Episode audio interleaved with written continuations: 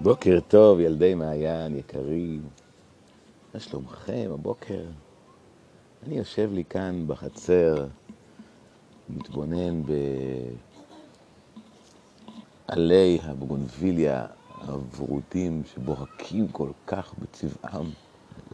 שלחתי לכם אתמול או שלשום תמונה שלהם כדי שתוכלו לראות כמה ורודים הם יכולים להיות. אני שמח גם לראות שהעץ הלימון הקטן שלי חזק ויציב וגדל לו לאט לאט, אבל בנינוחות, כלפי השמש, כלפי מעלה. ואני מרגיש מאוד מאוד נעים ומוכן להמשך סיפורנו על מסעו הנפלא, של, המופלא, של ניל סולגרסון עם אווזי עבר. בשבוע שעבר שמענו כיצד אה, נפל הגמדון הקטן נילס מגבו של האווז הצחור אל מי האוקיינוס.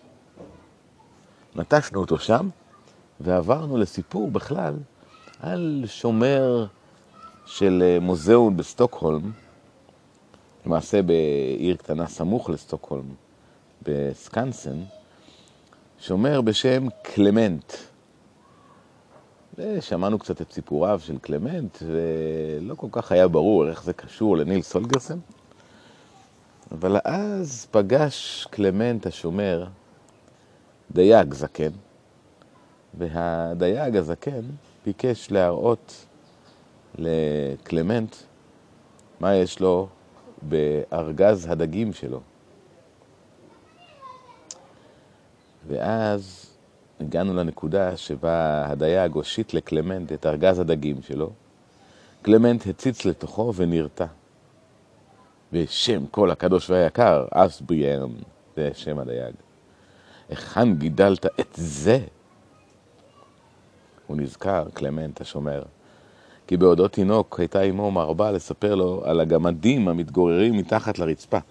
אסור היה לו לבכות ולצעוק שלא להרגיז את הגמדים הללו. כשגדל במשך הזמן, חשב כי את המעשיות על הגמדים בדתה אמו מליבה כדי להפחיד אותו בשעת הצורך. אך נראה שלא הייתה זו כלל המצאתה של אמא, חשב קלמנט. כי כאן, בארגזו של אסביארד, נמצא גמד. בליבו של קלמנט שכן עוד שמץ מפחד הילדות, וצמרמורת קרה עברה את גבו כשהציץ לתוך הארגז פנימה. אספיאן, שראה את חרדתו של קלמנט וצחק, אבל קלמנט התייחס אל העניין ברצינות. ספר נא לי, מניין לך? אמר. אוי, אל נא תחשוב כי מן המערב התנפלתי עליו ותפסתיו, אמר אסביארן. בחור פעוט זה בא אליי בעצמו.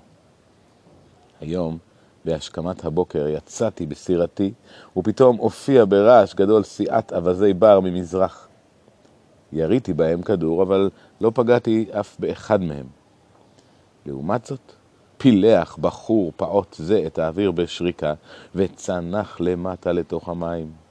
על יד הדוגית שלי ממש. צריך הייתי רק לשלוח ידי ולקחתו.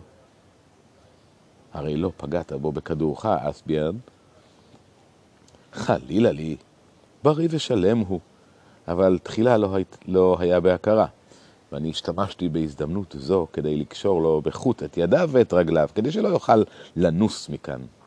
כי מיד הבנתי, קלמנט, שתמצא בו עניין.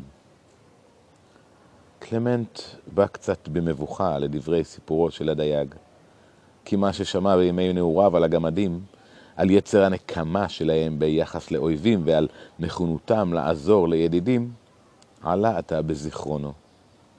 כל המנסה להחזיק גמד בשבי, סופו מר. שמענה אסביאן, צריך היית לשחררו מיד, אמר קלמנט. וכמעט שלא יכולתי לנהוג אחרת, ענה אסביאן. אווזי הבר רדפו אחריי עד לביתי, וגם אחר כך התעופפו עוד זמן רב הנה והנה מעל למפרצים ולא פסקו לצעוק כאילו דרשו בחזרה את הבחור הפעוט. כן, ובזה לא הסתיים הדבר. שכן כל, כל קהל העופות שחיים פה בחוץ, השכפים, סנוניות הים וכל האחרים, התיישבו בצעקות ובצריחות על גבי הסלע. ומיד, מדי צאתי אל הבקתה שלי, היו מתעופפים כמטורפים במשק כנפיים סביבי. לא נשאר לי אלא לשוב על עקביי. אשתי אמרה שאניח לו לגמד, שירוץ לו לכל אשר ירצה. אבל אני החלטתי להביאו הנה, לסקנסן ויהי מה. אז העמדתי את בובתו של בננו הקטן בחלון, תקעתי את הפעוט לתוך ארגזי ויצאתי שוב לדרך. העופות חשבו כי הבובה שבחלון היא הגמד, ונתנו לי הפעם ללכת באין מפריע. האם איננו מדבר? שאל סקנסן. כן, הוא מדבר. תחילה ניסה לקרוא משהו באוזני העופות, אבל הדבר לא מצא חן בעיניי, וסתמתי את פיו במטלית. אסביאן, איך העזת לעשות זאת? האם אין לך שכל בקודקודך? הלא זהו דבר שלמעלה מן הטבע. מניין עליי לדעת מיהו ומהו, אמר אסביאן בשקט. שיחקרו אחרים בדבר, אני די לי אם ישלמו לי בעין יפה. אמור לי איפה, קלמנט, כמה לדעתך ייתן לי האדון הדוקטור המלומד בסקנסן במחירו של הפעוט הזה? קלמנט שקע במחשבות לפני שענה. פתאום נפלה עליו אימה רבה בשל הפעוט. הייתה לו הרגשה כאילו אמו עומדת על ידו ומזהירה אותו שיהיה נוהג בגמדים במידת הרחמים. אינני יודע מה ייתן לך הדוקטור במחירו, אמר לבסוף. אבל אם תסכים למכור לי אותו, אציע לך בעדו עשרים כתרים. לשם הסכום הגדול הזה שנקב לו המנגן, הציץ בו הדייג בתימהון עצום. נראה שקלמנט חושב שכוחות מסתוריים חבויים בפעוט הזה, ואפשר להפיק מהם תועלת. וכיוון שלא היה בטוח אם המציאה שלו תהיה חשובה כל כך גם בעיני הדוקטור, ואם גם הוא יציע לו סכום רב כזה במחירו, קיבל את הצעתו של קלמנט. המנגן הכניס את קנייתו באחד מכיסיו הגדולים. חזר ועלה על הגבעה ונכנס לתוך אחת מבקתות הרועים, אשר שום מבקרים זרים או משגיחים לא, נמצאות בה, לא נמצאו בה. הוא סגר את הדלת מאחוריו, הוציא את הפעוט שידיו ורגליו היו קשורות עדיין ופיו סתום, והשכיבו בזהירות על גבי ספסל. חשוב על מה שאומר לך, פתח קלמנט ואמר. יודע אני כי אתה והדומים לך אינכם אוהבים להיראות לעיני האנשים. כי נוח לכם לעשות את מעשיכם באין רואה ובאין מפריע. על כן אחזיר לך את חירותך, אשחרר אותך, אבל רק בתנאי אחד. עליך להישאר כאן, בתוך הגן הזה, עד שארשה לך להתרחק מפה. אם מסכים אתה לכך, הנעה שלוש פעמים בראשך. מלא ציפייה התבונן קלמנט בפעות. אבל זה לא נע ולא זע. לא יהיה לך רע כאן, המשיך קלמנט. יום יום אביא לך אוכל. חוץ מזה תמצא לך פה עניין ולא תשתעמם, אבל אסור לך לצאת לשום מקום עד שארשה לך. שמעת? נקבע לנו סימן לכך. כל זמן שאגיש לך אוכל בספל לבן, עליך להישאר כאן. אבל אם יהיה הספל כחול, רשאי אתה לצאת לכל מקום שתרצה. שוב הציץ קלמנט בפעוט בציפייה, וקיווה לראות את סימן ההסכם המדובר, אבל הפעוט לא נע ולא זע. אם כך, הרי אין לי כל ברירה, אלא להראות אותך למנהל של סקנסן, אמר קלמנט. אז ישימו אותך בתוך בקבוק של זכוכית, וכל אנשי העיר סטוקהולם הגדולה יבואו הנה לראותך. הדברים האלה הפילו כנראה פחד רב על הפעוט, כי מיד אחרי האיום הזה הניע הנער בראשו. ככה טוב, אמר קלמנט. הוא הוציא את דולרו, חתך את הכבלים אשר בידי הקטן ויצא בצעדים נמרצים מן הבקתה. עתה התיר הנער קודם כל את החבלים מעל רגליו, והוציא את המטלית מפיו. אבל מי שהפך את ראשו ותר בעיניו אחרי קלמנט לארסון להגיד לו תודה, לא מצאהו עוד, כי כבר נעלם ואיננו. אך יצא קלמנט מפתח הבית, והנה בא לקראתו אדון זקן, שהלך אל נקודת התצפית הנאה הסמוכה. קלמנט לא יכול להיזכר אם כבר פגש פעם אחת את האדון הזקן והנכבד, אבל הזקן כבר ראה את קלמנט פעמים רבות בזמרו את שירי העם שלו, ועל כן נעצר ופתח בשיחה עמו.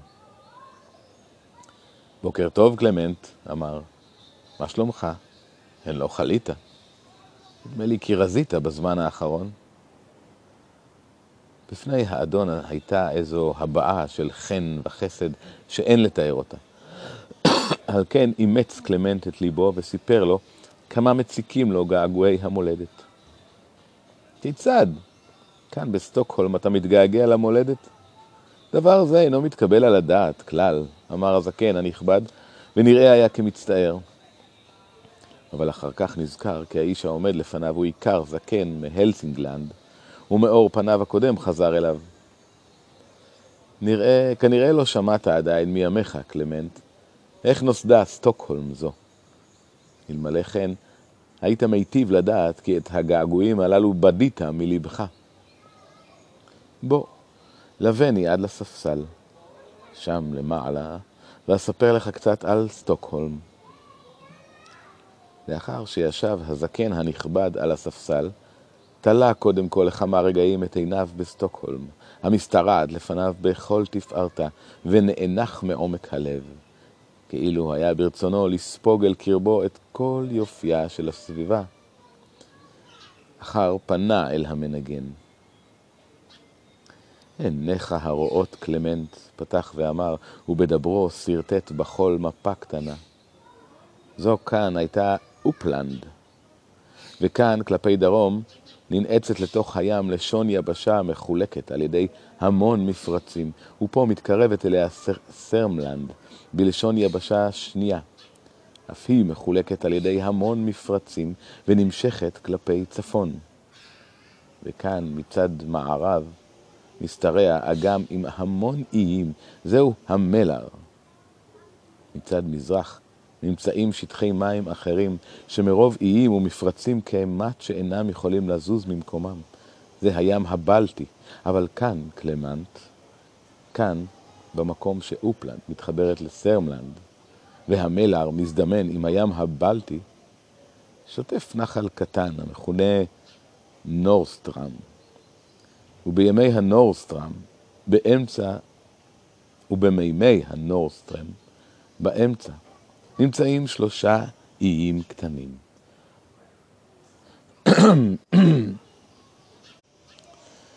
בעבר לא היו האיים הללו, אלא איים רגילים, מכוסים אילנות מעטים ובלתי מיושבים, מימי קדם.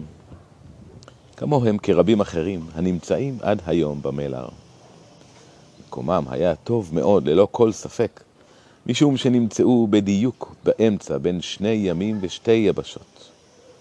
אבל איש לא שם לב לכך. שנה אחר שנה עברה. האנשים התיישבו גם על חופי המלר, גם באיי המפרצים שבחוץ, אבל על שלושת האיים הקטנים הללו בלב הנורסטרם לא התיישב איש.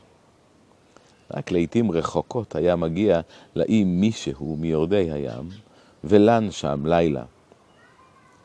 אבל איש לא נשאר באי לזמן רב.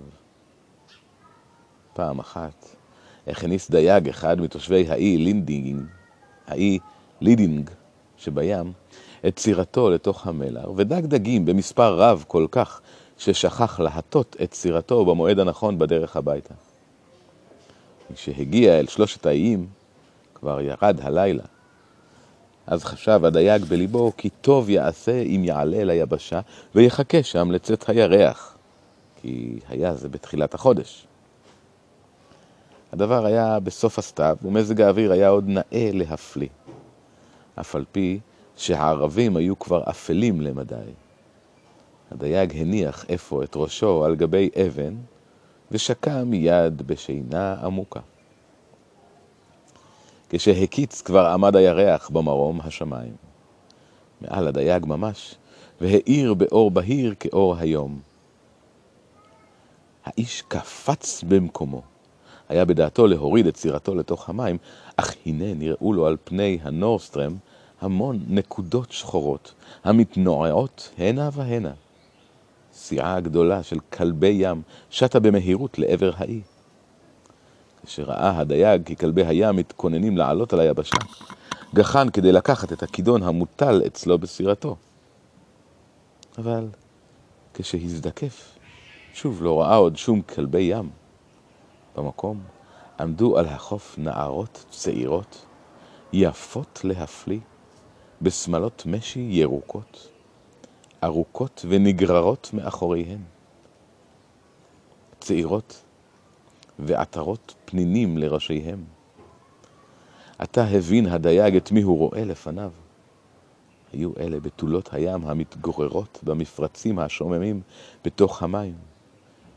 הן רק התעטפו בסמלותיהן העשויות מאורות כלבי ים כדי לסחוט אל היבשה. כי היה בדעתן להשתעשע שם לאור הלבנה על, גבעות, על הגבעות הירוקות. בזהירות רבה החזיר הדייג את כידונו למקומו.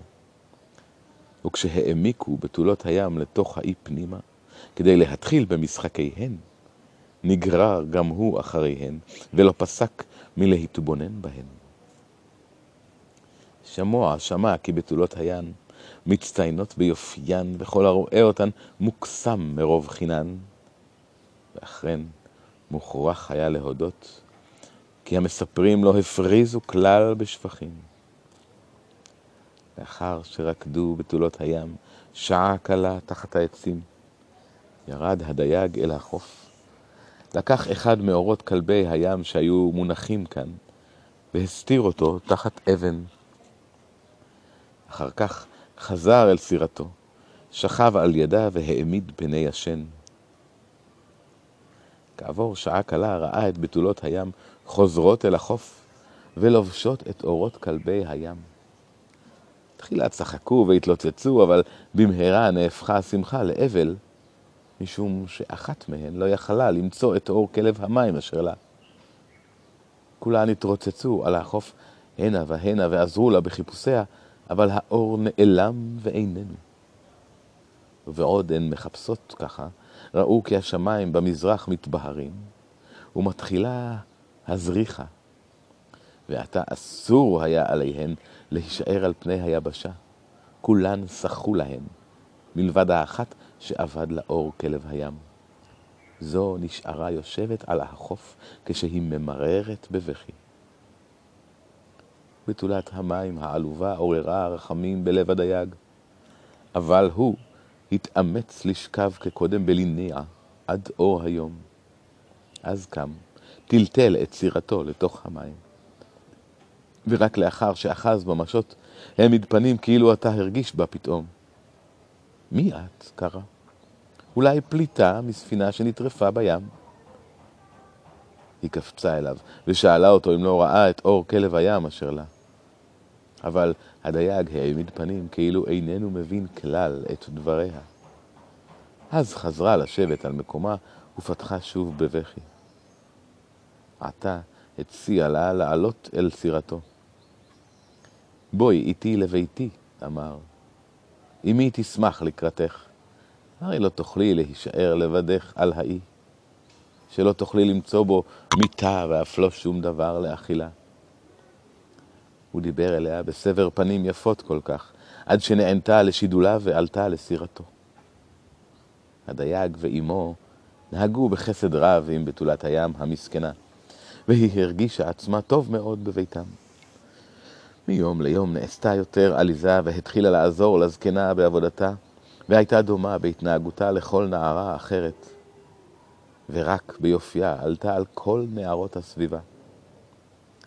באחד הימים שאל אותה הדייג אם תסכים להיות לו לאישה. היא לא ראתה כל סיבה להתנהג, להתנגד לכך, והסכימה מיד. עתה התחילו ההכנות לחתונה. כשהגיע תורה של הכלה להתקשט, היא לבשה את שמלת המשי הירוקה והארוכה, ושמה לראשה את נזר הפנינים המבהיק, שהיו עליה בזמן שראה אותה הדייג לפני, בפעם הראשונה. אבל בימים ההם לא היו באזור המפרצים לא כנסייה ולא כומר. המחותנים והקרועים ישבו בסירות, הפליגו על פני המלר, ובכנסייה הראשונה שהזדמנה להם ערכו את הנישואין. בסירתו של הדייג ישבו כלתו ואימו, והוא היטיב כל כך לחתור במשותיו, שהשתה בראש כל השאר. מי שנגלה לפניהם האי, שבו פגש בפעם הראשונה את ארוסתו זו, היושבת מאושרת ומקושטת לימינו בסירה, מוכרח היה לחייך. למה אתה מחייך? שאלה הכלה. אוי, נזכרתי בלילה ההוא כאשר החבאתי את אור כלב הים שלך, ענה הדייג. תא היה בטוח בה בהחלט, והוא חשב כי אין לו עוד כל צורך להעלים ממנה דבר. מה אתה אומר? שאלה הכלה. מימיי לא היה לי כל אור של כלב ים. נראה היה כאילו נשכח הכל מליבה. האם אינך זוכרת עוד את ריקודייך עם בתולות הים? שאל הדייג.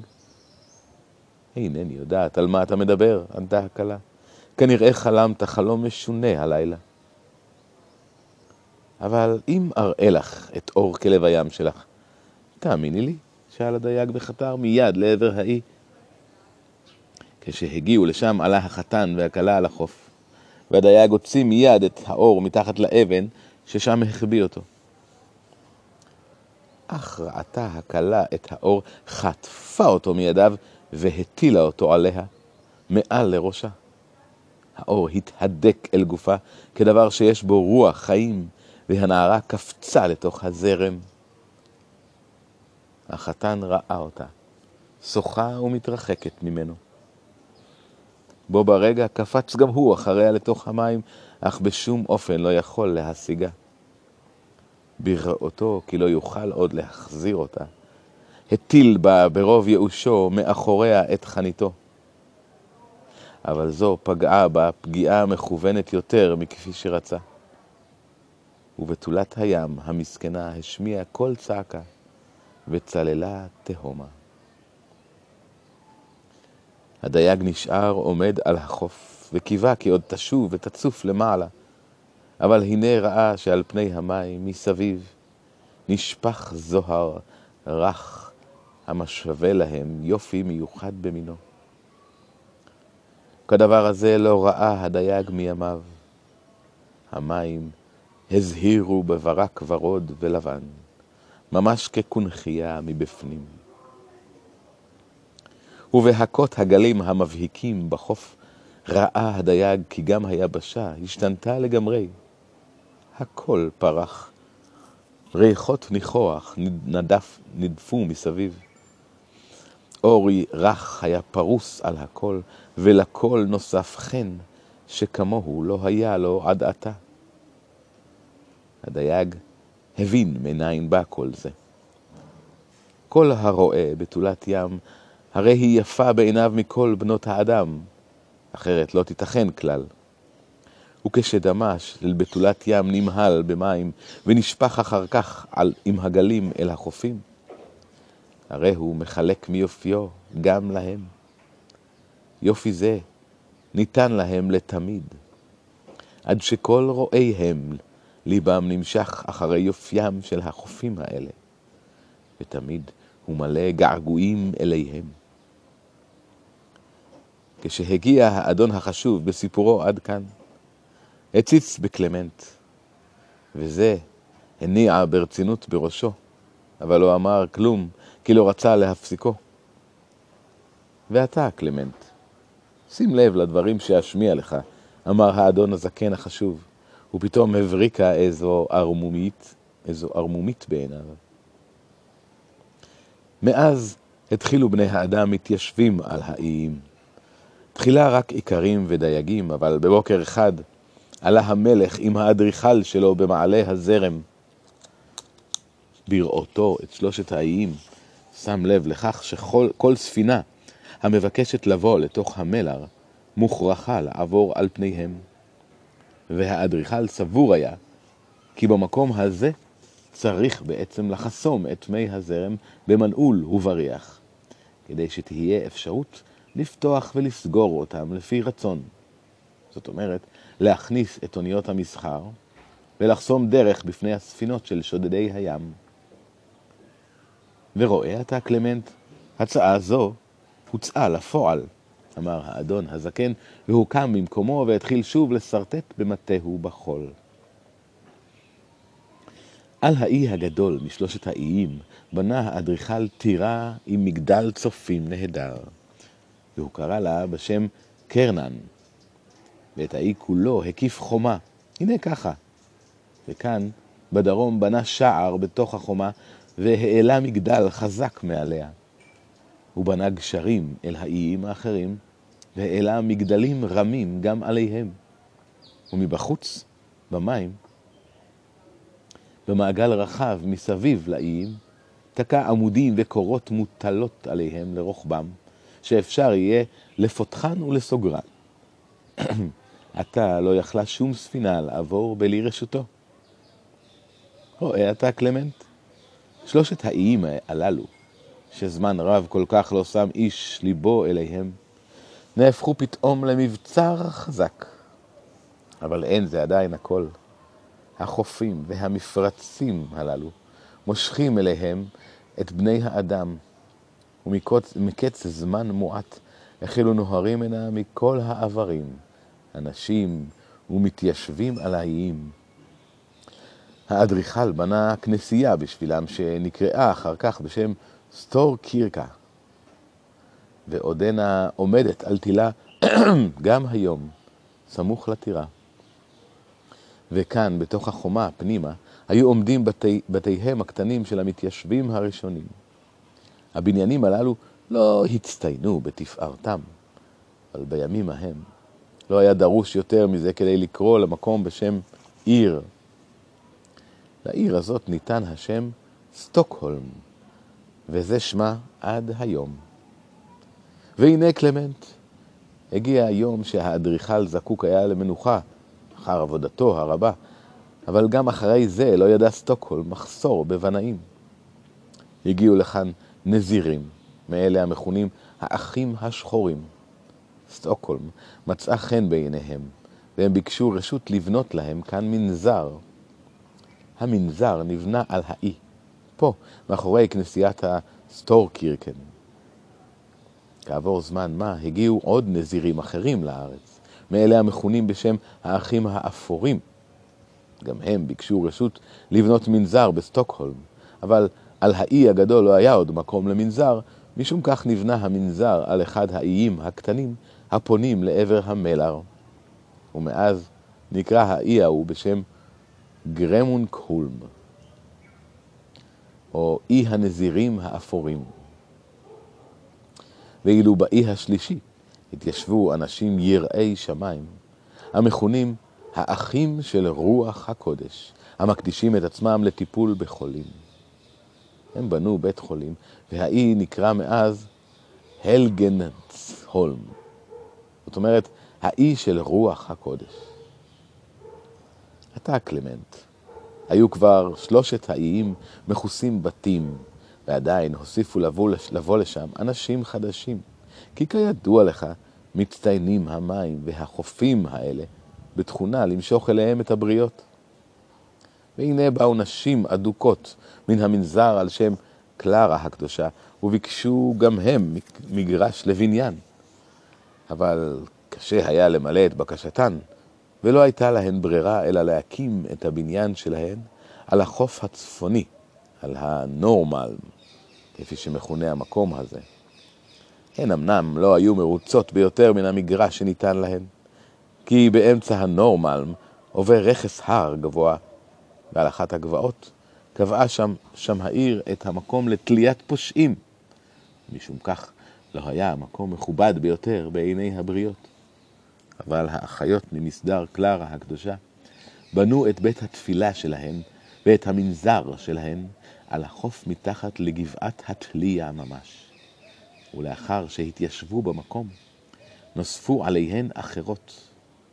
פה, בקצה הצפוני של הגבעה, נבנו בית חולים וכנסייה על שם גאורג הקדוש.